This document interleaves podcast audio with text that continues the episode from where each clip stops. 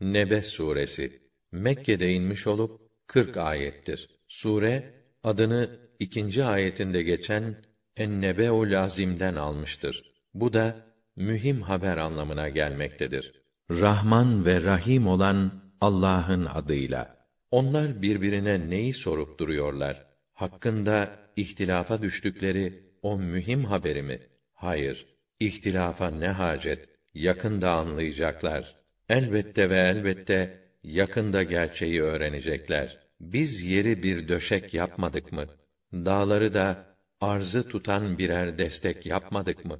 Hem sizi çift yarattık. Uykunuzu dinlenme yaptık. Geceyi bir örtü, gündüzü geçiminiz için çalışma zamanı kıldık. Üstünüzde yedi sağlam gök bina ettik. Orada pırıl pırıl yanan bir lamba koyduk. Size hububat, tohumlar, bitkiler ve ağaçları birbirine sarmaş dolaş bahçeler çıkaralım diye sıkışıp yoğunlaşmış bulutlardan bol bol yağmur indirdik. Evet, o karar günü vakti kesin olarak belirlenmiş bir gündür.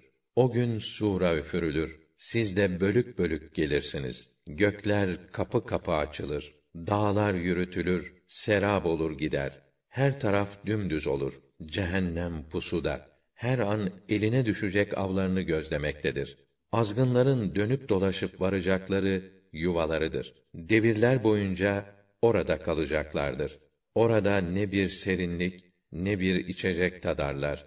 İçecek olarak sadece kaynar su ile irin bulurlar. Bu yaptıklarının tam karşılığıdır. Çünkü onlar bu hesap gününe inanmıyor, onu hesaba almıyorlardı.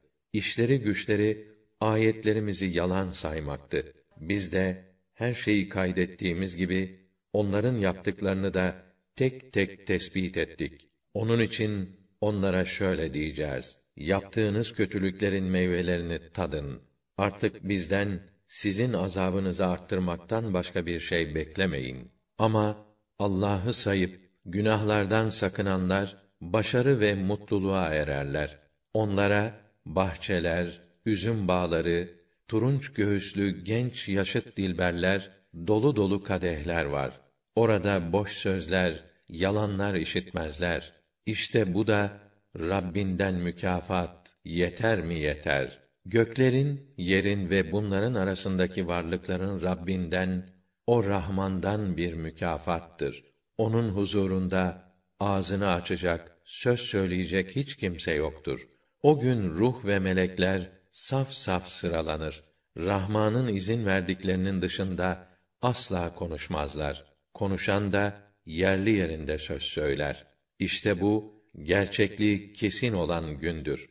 Artık dileyen Rabbine varan yolu tutar, ona sığınır. Biz gelmesi yaklaşmış bir azabı bildirerek sizi uyarıyoruz. O gün gelecek ve her şahıs önünde yalnız yapıp ettiklerini bulup bakacak ve kâfir ah ne olurdu keşke toprak olaydım diyecek.